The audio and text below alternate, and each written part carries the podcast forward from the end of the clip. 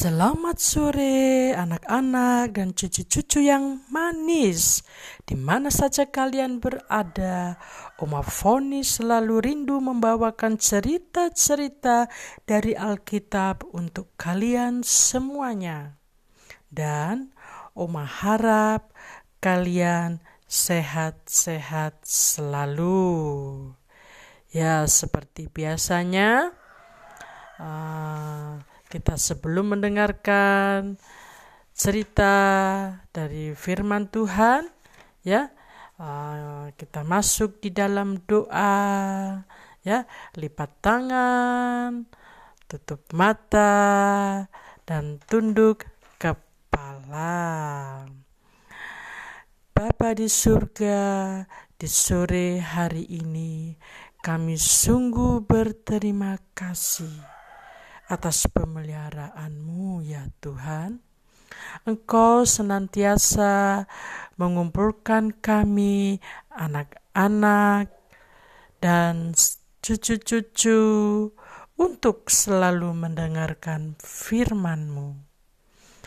Terima kasih Tuhan untuk kesehatan yang Tuhan sudah berikan sehingga kami dapat beraktivitas dan bila ada yang sakit, Tuhan tolong jama dan menyembuhkan anak-anak dan cucu-cucu di mana saja mereka berada. Kiranya kasih dan damai sejahteramu menyertai dan melindungi kami semua. Amin. Ah ya. Uh, Oma akan menyambung lagi ya cerita yang lalu ya. Ya.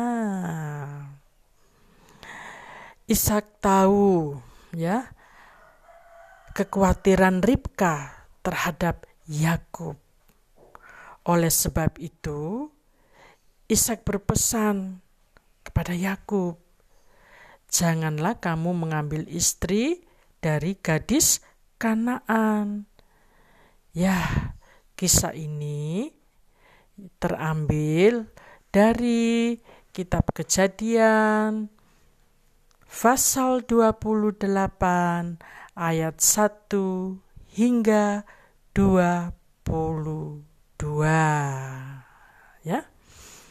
Lalu Ishak melanjutkan perkataannya kepada Yakub kamu harus pergi ke rumah nenekmu, Betuel, ayah ibumu, dan di situlah kamu baru mengambil istri dari anak-anak Laban.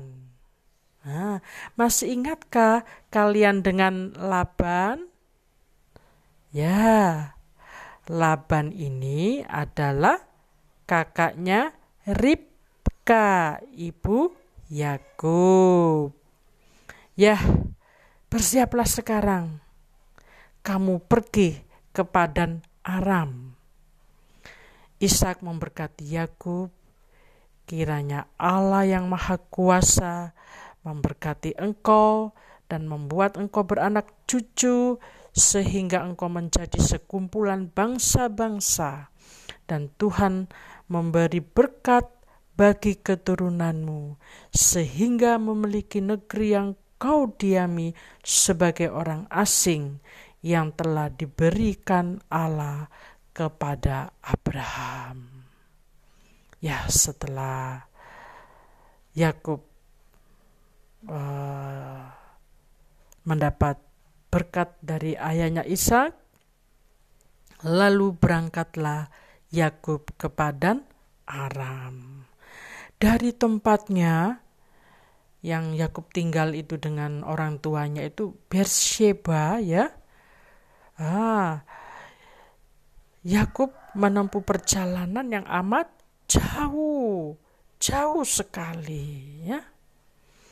Dan matahari mulai terbenam dan ia tiba di suatu tempat. Kemudian ia mengambil sebuah batu di sekitar situ untuk apa? Kira-kira anak-anak dan cucu-cucu batu yang diambil Yakub itu. Ah, untuk dipakai sebagai alas kepalanya atau sekarang disebut bantal ya. Nah, kalian kalau tidur kan pasti pakai bantal ya. Nah, begitupun juga Yakub, tapi Yakub alasnya dengan sebuah batu. Kemudian ia membaringkan tubuhnya yang sudah sangat letih sekali karena perjalanan yang jauh tadi ya. Nah, kemudian terlelaplah ia. Di dalam tidurnya ia bermimpi. Mimpinya demikian. Di bumi ada didirikan sebuah tangga yang ujungnya sampai ke langit. Dan tampaklah malaikat-malaikat Allah turun naik di tangga itu. Berdirilah Tuhan di sampingnya dan berfirman, Akulah Tuhan Allahmu, Abraham nenekmu, dan Allah Ishak. Tanah tempat engkau berbaring ini akan kuberikan kepadamu dan keturunanmu. Ya. Pada ayat yang ke-14 dan 15 ya. Uh, coba kita melihatnya anak-anak dan cucu-cucu ya. Ah, tadi itu ya. Sarang Uma akan membaca ya pada ayat yang ke-14. Nah, keturunanmu akan menjadi seperti debu tanah banyaknya, dan engkau akan mengembang ke sebelah timur barat, utara, dan selatan, dan olehmu serta keturunanmu semua kaum di muka bumi akan mendapat berkat. Sesungguhnya aku menyertai engkau, dan aku akan melindungi engkau ke mana pun engkau pergi.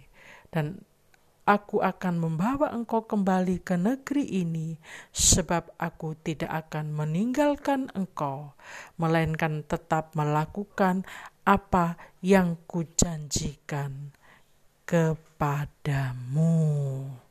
Nah, lalu terbangunlah Yakub oleh mimpinya tadi. Ia bingung-bingung. Aku tadi mimpi ya Oh, mimpiku oh sangat indah. Indah sekali ya. Oh, Yakub terheran-heran ya. Dan ia sambil berpikir apa ya maksud dari mimpiku tadi. Lalu dia menoleh kiri, menoleh kanan, ya ke belakang, ya ke depan, ya. Wah. Kemudian ia berkata, sesungguhnya Tuhan ada di tempat ini dan aku tidak mengetahuinya. Dengan takutnya, Yakub yang masih terbawa oleh mimpinya itu tak habis-habisnya di benak pikirannya dan ia berkata lagi, Sungguh luar biasa dan dahsyat tempat ini. Ini tidak lain rumah Allah. Ini pintu gerbang surga. Keesokan paginya, ia menuangkan minyak di atas batu itu, serta memberi nama tempat itu Betel. Ya, demikian cerita Oma untuk kalian anak-anak serta cucu-cucu. Lain waktu umat sambung lagi ya ceritanya. Tuhan Yesus memberkati kalian semuanya.